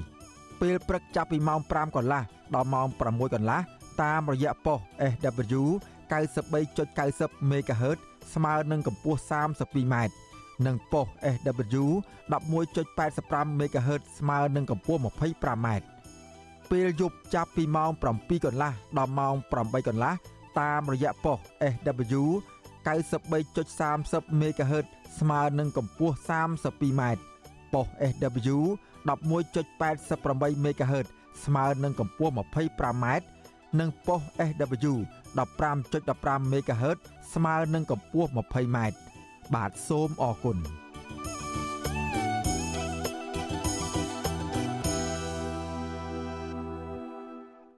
បាទលោកអ្នកនាងកញ្ញាជាទីមេត្រីតកតូននឹងស្ថានភាពប្រជាធិបតេយ្យនិងការគោរពសិទ្ធិមនុស្សនៅប្រទេសកម្ពុជាបច្ចុប្បន្ននេះដែរក្រមមន្ត្រីអង្គការសង្គមស៊ីវិលក្នុងស្រុកស្នើសុំឲ្យអ្នករាយការណ៍ពិសេសរបស់អង្គការសហប្រជាជាតិទទួលបន្ទុកសិទ្ធិមនុស្សនៅកម្ពុជា លោកវិធិតមុនតបូនលើកយកបញ្ហារំលោភសិទ្ធិមនុស្ស លំហប្រជាធិបតេយ្យនិងដំណើរការកែតម្រង់ច្បាប់អង្គការសង្គមស៊ីវិលជាដើមទៅជជែកជាមួយនឹងរដ្ឋាភិបាលកម្ពុជា ដើម្បីរកដំណោះស្រាយការស្នើសុំរបស់ពួកគាត់នេះគឺធ្វើឡើងនៅក្នុងជំនួបជាមួយនឹងលោកវិធិតមុនតបូនដែលកំពុងបំពេញដំណើរទស្សនកិច្ចជាផ្លូវការនៅកម្ពុជា រយៈពេល5ថ្ងៃគឺចាប់ពីថ្ងៃទី4ដល់ថ្ងៃទី8ខែធ្នូបាទលោកថាថៃ មានសេចក្តីរាយការណ៍អំពីរឿងនេះដូចតទៅ អ្នករាយការណ៍ពិសេសអង្គការសហប្រជាជាតិទទួលបន្ទុកសិទ្ធិមនុស្សនៅកម្ពុជាលោកវិធិតមុនតាបូនកំពុងបំពេញដំណើរទស្សនកិច្ចនៅកម្ពុជាដើម្បីស្វែងយល់និងពិគ្រោះយោបល់ជាមួយភាគីរដ្ឋាភិបាលតំណាងអង្គការសង្គមស៊ីវិលសហជីពក្រមយុវជនតំណាងសហគមន៍ដីធ្លីអ្នកសារព័ត៌មាននិងតំណាងប្រព័ន្ធផ្សព្វផ្សាយព្រមទាំងភាគីពាក់ព័ន្ធសំខាន់សំខាន់ផ្សេងទៀតក្នុងអំឡុងពេលទស្សនកិច្ចរយៈពេល5ថ្ងៃចាប់ពីថ្ងៃទី4ដល់ថ្ងៃទី8ធ្នូ លោកវិធិតមុនតបនក៏នឹងជួបពិភាក្សាការងារជាមួយលោកនាយករដ្ឋមន្ត្រីហ៊ុនម៉ាណែតនិងរដ្ឋមន្ត្រីមួយចំនួនទៀតដែរអំពីស្ថានភាពសិទ្ធិមនុស្សក្នុងពេលបច្ចុប្បន្ននិងទិសដៅទៅអនាគតលោកវិធិតមុនតបនកាលពីថ្ងៃទី4ធ្នូបានជួបជាមួយតំណាងសង្គមស៊ីវិលតំណាងសហជីពរួមមានតំណាងសហជីពមកពីក្រុមហ៊ុន Nagavel តំណាងសហគមន៍ដីធ្លីនិងតំណាងជនជាតិដើមភាគតិចនៅក្នុងជំនួបនោះតំណាងសង្គមស៊ីវិលនិងតំណាងសហជីព បានប្រាប់អ្នករាយការណ៍ពិសេសអង្គការសហប្រជាជាតិរូបនេះថារដ្ឋាភិបាលថ្មីមិនទាន់កែលម្អស្ថានភាពប្រជាធិបតេយ្យនិងសិទ្ធិមនុស្សនៅឡើយទេសមាជិកក្រុមការងារតស៊ូមតិនៃអង្គការការពារសិទ្ធិមនុស្សអាត់ហុកលោកផិនសាវីឲ្យដឹងថាពួកគាត់បានស្នើឲ្យលោកវិធិតមុនតាបូនជួយជំរុញទៅរដ្ឋាភិបាលឲ្យដោះលែងអ្នកជាប់ឃុំនយោបាយទាំងអស់បើកលំហនយោបាយស្ដារប្រជាធិបតេយ្យការគោរពសិទ្ធិមនុស្សសិទ្ធិការងារ និងពន្លឿនកែប្រែច្បាប់ស្ដីពីសមាគមនិងអង្គការមិនមែនរដ្ឋាភិបាលជាដើមវាមានសារៈសំខាន់សម្រាប់ប្រទេសកម្ពុជាដែលយើងនៅមានវត្តមានអ្នករាយការណ៍ពិសេសស្ដីពីសិទ្ធិមនុស្សនេះយើងនៅតែរំពឹងសង្ឃឹមយ៉ាងមុតមាំថាអ្នករាយការណ៍ពិសេសរបស់អង្គការសហជីវជាតិនេះនឹងអាចជួយជជែកជាមួយនាយករដ្ឋមន្ត្រីជាមួយរាជរដ្ឋាភិបាលកម្ពុជានេះក្នុងការធ្វើឲ្យប្រសើរឡើងវិញនៅស្ថានភាពសិទ្ធិមនុស្សស្ថានភាពនយោបាយ ក៏ដូចជាដំណើរការរដ្ឋាភិបាលបតៃនៅក្នុងប្រទេសកម្ពុជាជាពិសេសហ្នឹងធានាបាននៅការអនុវត្តសេរីភាពជាមូលដ្ឋានយ៉ាងពេញលេញរបស់ពលរដ្ឋទាំងទាំងពីប្រទេសក្នុងប្រទេសកម្ពុជាយើងនឹងបាទដោយឡែកនៅព្រឹកថ្ងៃទី5ធ្នូលោកវិធិតមុនតបនក៏បានជួបជាមួយទេសរដ្ឋមន្ត្រីនិងជាប្រធានគណៈកម្មាធិការសិទ្ធិមនុស្សរបស់រដ្ឋាភិបាលលោកកែវរេមីផងដែរពាក់ព័ន្ធនឹងវិស័យសិទ្ធិមនុស្សនៅកម្ពុជាអ្នកនាំពាក្យគណៈកម្មាធិការសិទ្ធិមនុស្សរបស់រដ្ឋាភិបាលលោកស្រៀងចន្ទាថ្លែងថា នៅក្នុងជំនួបនោះអ្នករាយការណ៍ពិសេសអង្គការសហប្រជាជាតិមិនបានលើកឡើងជាក់លាក់អំពីករណីអ្នកនយោបាយកំពុងជាប់ឃុំនោះទេក៏ប៉ុន្តែលោកស្នើឲ្យគណៈកម្មការសិទ្ធិមនុស្សកម្ពុជាចូលរួមពន្លឿនការធ្វើវិសោធនកម្មច្បាប់ស្ដីពីសមាគមនិងអង្គការមិនមែនរដ្ឋាភិបាលនិងសិទ្ធិបរិស្ថានជាដើមលោកស្រៀងចន្ទាបន្ថែមថាភាគីទាំងពីរបានជជែកអំពីវឌ្ឍនភាពនៃការអនុវត្តអនុសាសន៍ចំនួន173នៃរបាយការណ៍ត្រួតពិនិត្យជាសកលតាមកាលកំណត់ហៅកាត់ថា UPR ដោយផ្ដោតសំខាន់ទៅលើបញ្ហាចំនួន2គឺការបង្កើតស្ថាប័នសិទ្ធិមនុស្សជាតិដែលជាស្ថាប័នឯករាជ្យនិងសិទ្ធិអ្នកស្រឡាញ់ភេទដូចគ្នាលើសពីនេះលោកអះអាងថាភាគីទាំងពីរក៏បានជជែកគ្នាទៅលើសិទ្ធិសេដ្ឋកិច្ចសង្គមគិច្ចនិងវប្បធម៌ជាដើម ក្នុងនោះឯកឧត្តមកែរមីក៏បានលើកអំពីការដាក់ចេញនៅផែនការយុទ្ធសាស្ត្រចតុកោណដំណាក់កាលទី1ក្នុងនោះរួមទាំងមានកម្មវិធីអត្ថភាពចំនួន6ដែលផ្ដោតសំខាន់ទៅលើការគាំទ្រសង្គមហើយថងចំណុចនេះត្រូវបានវិធីកត់សាទរណាកត់សាទរពាក់ព័ន្ធជាមួយនឹងការការពារសង្គមនេះដែលវាផ្ដោតទៅលើគោលគំនិតមួយគឺមិនទុកណាម្នាក់ចោលតែក្នុងនោះមានវិមានបញ្ចូលទាំងស្ត្រីទាំងកុមារទាំងជនមានពិការភាពហើយជាពិសេសគឺការការសិក្សាដែលដាក់ចេញនេះគឺវាក្តោបមិនត្រឹមតែអ្នកក្នុងប្រព័ន្ធទេតែអ្នកក្រៅប្រព័ន្ធក៏គាត់បានចូលរួមនៅក្នុងនោះដែរទោះជាយ៉ាងណាអង្គការសិទ្ធិមនុស្សជាតិនិងអន្តរជាតិវិតម្លៃថារដ្ឋាភិបាលកម្ពុជាពុំទាន់បានអនុវត្តតាមអនុសាសន៍ចំនួន173ដែលទទួលបានពីប្រទេសជាសមាជិកអង្គការសហប្រជាជាតិនោះឲ្យបានល្អត្រឹមត្រូវដើម្បីកែលម្អស្ថានភាពសិទ្ធិមនុស្សនៅឡើយទេដោយឡែកនៅល្ងាចថ្ងៃទី5ធ្នូលោកវិទិតមុនតបនក៏បានជួបជាមួយក្រុមយុវជនមកពីតាមសាកលវិទ្យាល័យនិងតាមអង្គការមួយចំនួនដើម្បីជជែកឆ្លើយឆ្លងអំពីរឿងច្បាប់ ការតស៊ូមតិនិងរឿងសិទ្ធិមនុស្សនៅក្នុងជំនួបនោះអ្នករាយការណ៍ពិសេសអង្គការសហប្រជាជាតិបានចែករំលែកបទពិសោធន៍ការងាររបស់លោកនិងលើកទឹកចិត្តឲ្យយុវជនកុំអស់សង្ឃឹមនិងបន្តអនុវត្តសិទ្ធិរបស់ខ្លួនស្របទៅតាមច្បាប់បើទោះបីជាមានការរឹតបន្តឹងពីរដ្ឋាភិបាលក៏ដោយដំណើរទស្សនកិច្ចរបស់លោកវិទិតមុនតបនមកកាន់កម្ពុជានៅពេលនេះគឺបន្ទាប់ពីលោកហ៊ុនម៉ាណែតបានឡើងដឹកនាំរដ្ឋាភិបាលថ្មីបន្តពីឪពុករបស់លោកគឺលោកហ៊ុនសែនបានជាង100ថ្ងៃហើយប៉ុន្តែមេដឹកនាំបកប្រឆាំង ក្រុមអង្គការសង្គមស៊ីវិលជាតិនិងអន្តរជាតិពិនិត្យឃើញថាជាង100ថ្ងៃនៃការកាន់អំណាចនេះលោកហ៊ុនម៉ាណែតមិនទាន់បានដោះស្រាយបញ្ហាលទ្ធិប្រជាធិបតេយ្យការគោរពសិទ្ធិមនុស្សបញ្ហាសង្គមនិងបញ្ហាសេដ្ឋកិច្ចឲ្យបានល្អប្រសើរនៅឡើយទេពលគឺកាន់តែធ្លាក់ចុះបន្ថែមទៀតខ្ញុំថាថៃពីទីក្រុងមែលប៊នប្រជាពលរដ្ឋដែលតែងតែឈឺឆ្អាលរឿងសង្គមពីរនាក់នៅក្រុងប៉ោយប៉ែតខេត្តបន្ទាយមានជ័យបានភៀសខ្លួនទៅរកកន្លែងមានសុវត្ថិភាព ការភៀសខ្លួននេះ ដោយពួកគេអះអាងថា មានប៉ូលីសជាច្រើនអ្នកតាមចាប់ពួកគេដល់ផ្ទះពាក់ព័ន្ធនឹងការផ្ដាល់យោបល់ដល់អ្នករិះគន់រដ្ឋាភិបាលតាមបណ្ដាញសង្គម Facebook ពីលោកកងសារ៉នឲ្យចេះតស៊ូមតិបាទលោកយ៉ងច័ន្ទដារារាយការណ៍អំពីរឿងនេះដូចតទៅពលរដ្ឋដែលរត់ភៀសខ្លួនទាំងពីរនាក់នោះគឺលោកឆេងប៊ុនហាក់និងលោកឈិនសុផាត ពេលនេះបានទៅដល់កន្លែងមានសុវត្ថិភាពហើយប្រជាពលរដ្ឋដែលឈឺឆ្អាលបញ្ហាសង្គម និងជាតំណាងពលរដ្ឋរងផលប៉ះពាល់ពីគម្រោងសាងសង់ផ្លូវរថភ្លើងនៅក្រុងប៉ោយប៉ែតលោកឆេងប៊ុនហាក់ប្រាប់វិទ្យុអាស៊ីសេរីនៅថ្ងៃទី5ខែធ្នូថាការរត់ភៀសខ្លួននេះគឺដោយសារតែរូបលោកព្រួយបារម្ភពីសុវត្ថិភាពដោយខ្លាចអាជ្ញាធរចាប់ខ្លួនលោកអះអាងថាកាលពីថ្ងៃទី2ខែធ្នូមានប៉ូលីសនៅស្រុកម៉ាឡៃ2នាក់បានទូរស័ព្ទប្រាប់លោកថាប៉ូលីសកំពុងតាមចាប់លោកនិងលោកឈិនសុផាតដោយចោទពួកលោកថា បានផ្ដាល់យោបល់ដល់លោកកងសារ៉នឲ្យចេះតស៊ូមតិតាមបណ្ដាញសង្គម Facebook មុនពេលសមត្ថកិច្ចចាប់ខ្លួនលោកកងសារ៉នលោកបន្ថែមថានៅថ្ងៃទី2ធ្នូដដែលនោះប៉ូលីសមូលដ្ឋានប្រមាណ20នាក់បានឡោមព័ទ្ធកន្លែងស្នាក់នៅរបស់លោកឈិនសុផាតនៅក្នុងស្រុកម៉ាឡៃខេត្តបន្ទាយមានជ័យក៏ប៉ុន្តែលោកដឹងខ្លួនមុនក៏បានរត់គេចខ្លួនទាន់ពេល។ មកផ្ទះខ្ញុំហ្នឹងក៏មានចវិសក៏គេមកឆ្វែលដែរប៉ុន្តែទទួលពេលនោះខ្ញុំចេញមកផុតហើយដោយសារផ្ទះគាត់កន្លែងដែលឃ្លាំងគាត់យាមនោះវាមានលបងដល់ចឹងគេអត់ហ៊ានចូលក្នុងលបងគាត់តែគេដឹងថាគាត់នៅក្នុងហ្នឹងប៉ុន្តែដោយសារតែផាតហ្នឹងគាត់ដឹងមុខខ្លួនគាត់ឃើញប៉ូលីសឡាន3ឡានគ្នាប្រហែលជា20នាក់មកពាត់ចាប់គាត់គាត់លូតាមលបងខាងក្រោយទៅរត់ទៅវាលស្រែព្រោះពេលពេលល្ងាចយប់ហើយដល់ចឹងគាត់គិតមកមកមួយខ្ញុំបដៅមកវិទ្យុអាស៊ីសេរីមិនទាន់អាចតាក់ទងអធិការនគរបាលស្រុកម៉ាឡៃ លោកបេនសំអាត និងស្នងការនគរបាលខេត្តបន្ទាយមានជ័យលោកសិតឡោះដើម្បីសាកសួរអំពីរឿងនេះបាននៅឡើយទេ នៅថ្ងៃទី5ខែធ្នូជុំវិញរឿងនេះនាយកទទួលបន្ទុកកិច្ចការទូតនៃអង្គការសិទ្ធិមនុស្សលីកាដូលោកអំសំអាត មានប្រសាសន៍ថាលោកក៏ទទួលបានដំណឹងថាលោកឆេងប៊ុនហាក់និងលោកឈិនសុផាតព្រួយបារម្ភពីសុវត្ថិភាពដោយខ្លាចអាជ្ញាធរចាប់ខ្លួនដែរលោកបញ្ជាក់ថាការបង្ហាត់បង្រៀនឲ្យពលរដ្ឋចេះតស៊ូមតិ គឺជាសិទ្ធិសេរីភាពរបស់ពលរដ្ឋស្របទៅតាមរដ្ឋធម្មនុញ្ញនិងកតិកាសញ្ញាអន្តរជាតិនានាទាក់ទងទៅនឹងសិទ្ធិមនុស្សដូច្នេះនេះពុំមែនជាទង្វើខុសច្បាប់ឡើយអង្គចំណុចហ្នឹងហើយដែលគេតែងតែរិះគន់ថាសេរីភាពក្នុងការបច្ចេកទេសនៅកម្ពុជាយើងនោះវាមានការរដ្ឋបတ်បាទដោយសាររឿងចឹង ចឹងអារឿងដែលការចាប់ខ្លួនកាយមួយធ្វើទៅបានបើមិនមែនជាបាត់ល្មើសជាស្ដាយទេវាតតែមានទីការពីតឡាការហើយបើមានទីការទេมันអាចទៅចាប់ខ្លួនបានទេលើកលែងតែបាត់ល្មើសជាស្ដាយ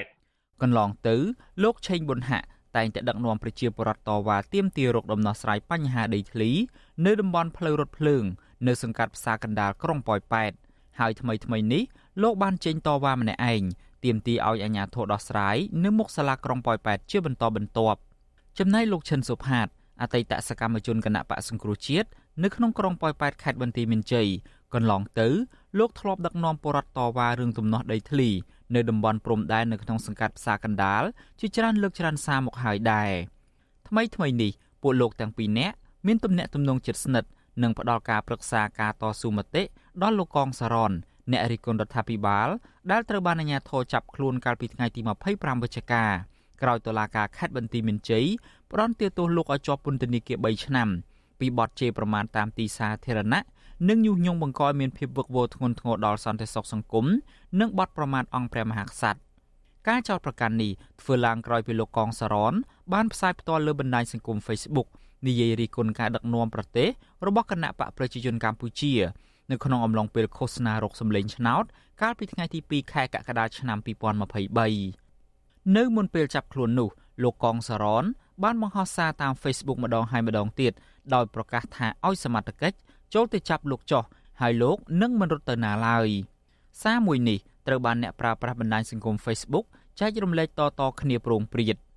លោកឆេងមុនហាក់យល់ឃើញថាដោយសារតែប្រជាពលរដ្ឋចាប់អារម្មណ៍ទៅនឹងសកម្មភាពរបស់លោកកងសរននេះហើយ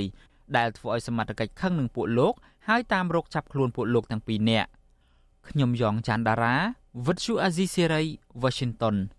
បាទលោកអ្នកនាងកញ្ញាជាទីមេត្រីតាក់ទងនឹងមិត្តភាពស្អិតរមួត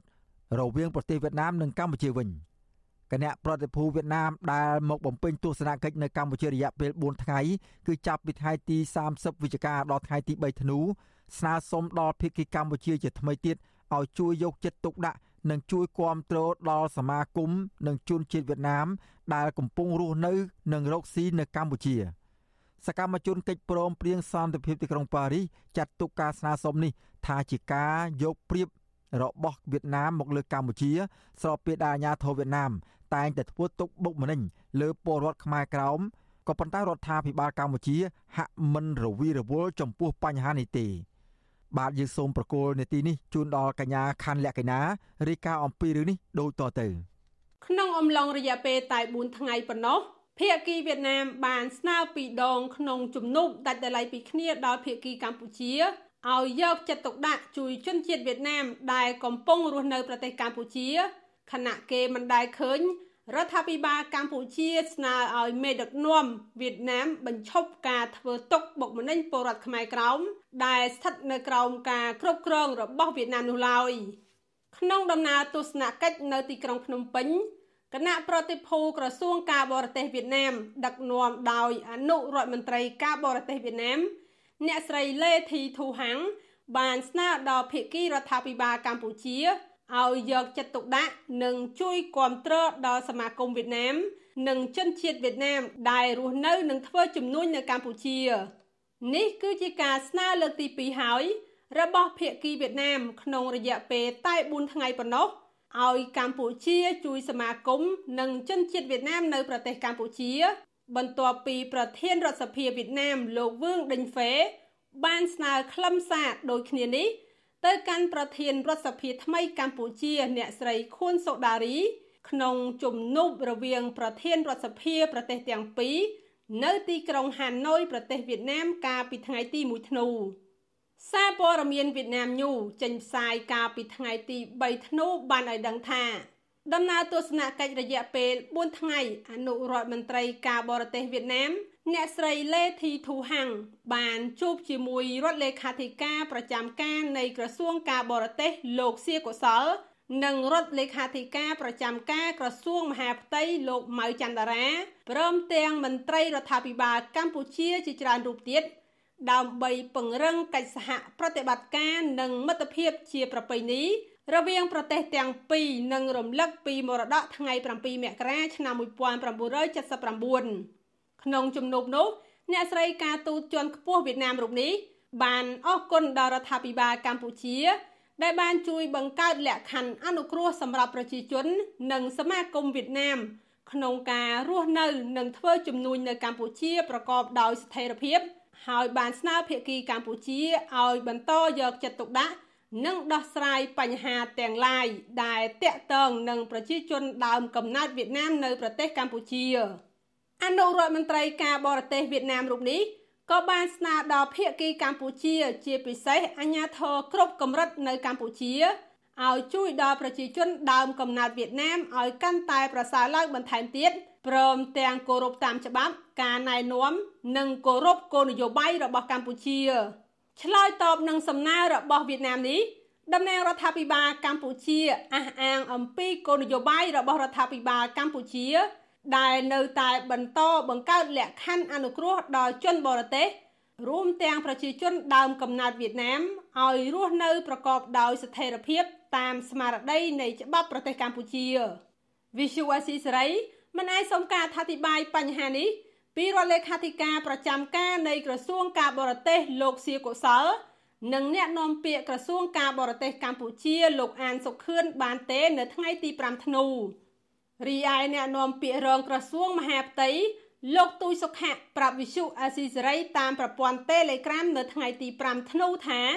ទាំងភៀកគីវៀតណាម និងបណ្ដាប្រទេសផ្សេង ដែលស្នើមកកម្ពុជា គឺកម្ពុជាទទួលស្ដាប់ទាំងអស់ដោយមិនមានការរើសអើងឡើយប៉ុន្តែការសម្រេចបែបណានោះអាស្រ័យលើរដ្ឋាភិបាលកម្ពុជា ជារួមបើលទ្ធភាពដែលយើងអាចជួយគ្នាទៅវិញទៅមកបាន យើងនឹងពិនិត្យពិចារណានៅក្នុងការជួយ ជាគោលការណ៍ទំនាក់ទំនងអន្តរជាតិគឺបែបហ្នឹងបាទបើរដ្ឋមួយមានលទ្ធភាពរដ្ឋមួយស្នើសុំច្បាស់ណាស់រដ្ឋមានលទ្ធភាព គេនឹងពិចារណានៅក្នុងការជួយ គេក៏ជួយកម្ពុជាយើងយើងក៏ជួយ គេត្រឡប់ទៅវិញ នៅ ក្នុងវប្បធម៌នៃការចែករំលែកក្នុង នយោបាយអន្តរជាតិគឺតែងតែមានអញ្ចឹង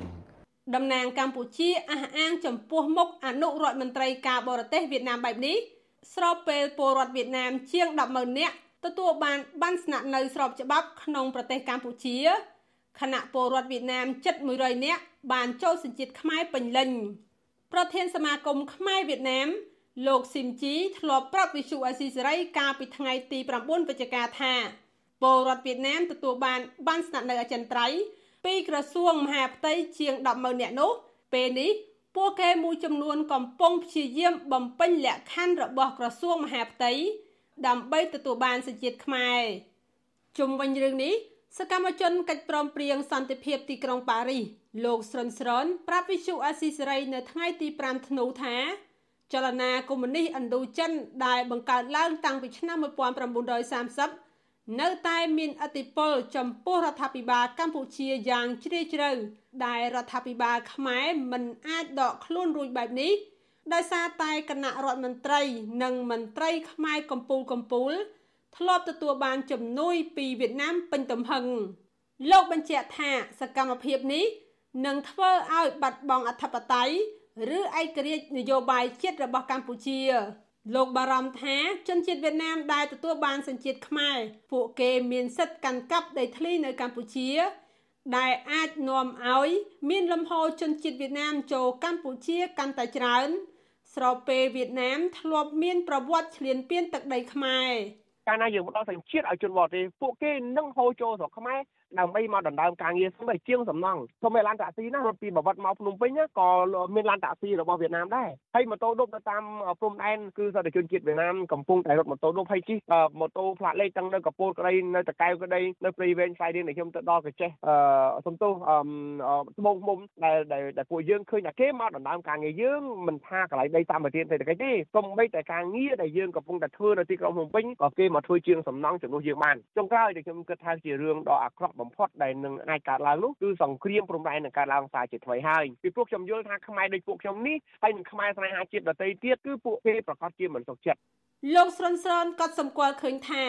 ទោះបីជាភៀកគីវៀតណាមតែងតែយកព្រៀបដោយស្នាម្ដងហើយម្ដងទៀតក៏ដោយប៉ុន្តែរដ្ឋាភិបាលកម្ពុជាមិនដែលបដិសេធចំពោះសំណើឡើយលើសពីនេះរដ្ឋាភិបាលកម្ពុជាក៏មិនហ៊ានស្នើទៅភៀកគីវៀតណាមវិញ ទោះបីជាអាញាធររបស់រដ្ឋាភិបាលវៀតណាមតែងតែគម្រាមកំហែងនិងធ្វើទុកបុកម្នេញគ្រប់រូបភាពលើពលរដ្ឋខ្មែរក្រោមក្តី កាលពីថ្ងៃទី3ធ្នូសមាគមពុទ្ធសាសនារបស់រដ្ឋាភិបាលវៀតណាមបានដឹកនាំមន្ត្រីសង្ឃវៀតណាម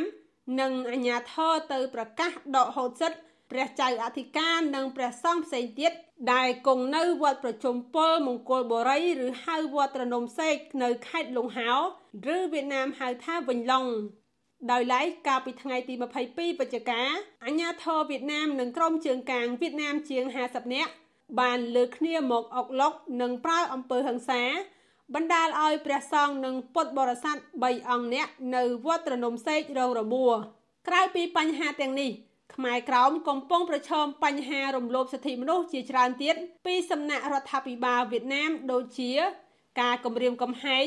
ការបំផិតបំភ័យការចាប់សកម្មជនខ្មែរក្រោមដាក់ពន្ធនាគារនិងការធ្វើទុកបុកម្នេញរបស់អាជ្ញាធរវៀតណាមលើអ្នកទេសចរខ្មែរទៅលេងនៅដែនដីកម្ពុជាក្រោមក្តីប៉ុន្តែករណីទាំងនេះ គេមិនដែលឃើញភៀកគីកម្ពុជា លើកឡើងទៅជជែកជាមួយភៀកគីរដ្ឋាភិបាលវៀតណាមនោះទេ ខ្ញុំខណ្ឌលក្ខណាវិសុអេស៊ីសេរី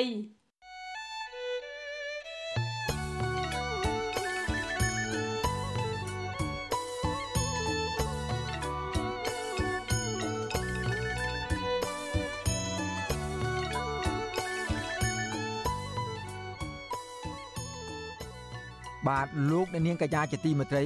យើងបានទទួលសំណូមពរពីអ្នកស្ដាប់និងទស្សនារបស់យើងជាច្រើនណាស់ ថាកុំឲ្យដាក់ចំណងជើងផ្ទុយពីខ្លឹមសារនៃព័ត៌មានឧទាហរណ៍ដូចជា ដាក់ចំណងជើងថា Vivo ហើយលោកហ៊ុនសែនត្រូវតុលាការព្រហ្មទណ្ឌអន្តរជាតិ ICC យកទៅកាត់ទោសជាដើមក៏ប៉ុន្តែពេលចុចស្ដាប់ទៅ មិនលឺនិយាយអំពីរឿងនេះសោះយើងខ្ញុំសូមជម្រាបថា ការដាក់ចំណងជើងខុសពីខ្លឹមសារទាំងនេះ គឺជាការបោកប្រាស់របស់ក្រុមអ្នករកស៊ីតាម YouTube ដើម្បីរកលុយតែប៉ុណ្ណោះ ពួកគេលួចយកខ្លឹមសារនៃការផ្សាយរបស់វិទ្យុអសីសេរីទៅកាត់តរួចបដូរចំណងជើង តាមរបៀបប្លែកប្លែកហួសហេតុខុសពីការពិត ក្នុងគោលបំណងតាក់ទាញចិត្តលោកនាងកញ្ញាឲ្យទៅចុចស្ដាប់ឬទស្សនាដើម្បីបាន view ឬបានអ្នកចូលទស្សនាច្រើន មានអ្នកចុចស្ដាប់កាន់តែច្រើន ពួកគេក៏កាន់តែរកប្រាក់បានច្រើនដែរអាស៊ីសេរីមិនដែលដាក់ចំណងជើងខុសពីខ្លឹមសារនោះទេ លោកនាងកញ្ញាអាចចូលរួមទប់ស្កាត់ការបោកប្រាស់ទាំងនេះបាន ដោយឈប់ចុចស្ដាប់ ឬទស្សនាការផ្សាយណា ដែលដាក់ចំណងជើងខុសប្លែកគួរឲ្យសង្ស័យទាំងនេះ ជាពិសេសទៅទៀតនោះដើម្បីស្ដាប់ឬទស្សនាការផ្សាយពិតរបស់វិទ្យុអសីសេរីសូមលោកនាង ចូលទៅកាន់ Channel របស់អាស៊ីសេរីតែម្ដង ដែលមានអាសយដ្ឋាន www.youtube.com/@rfa ខ្មែរបាទសូមអរគុណ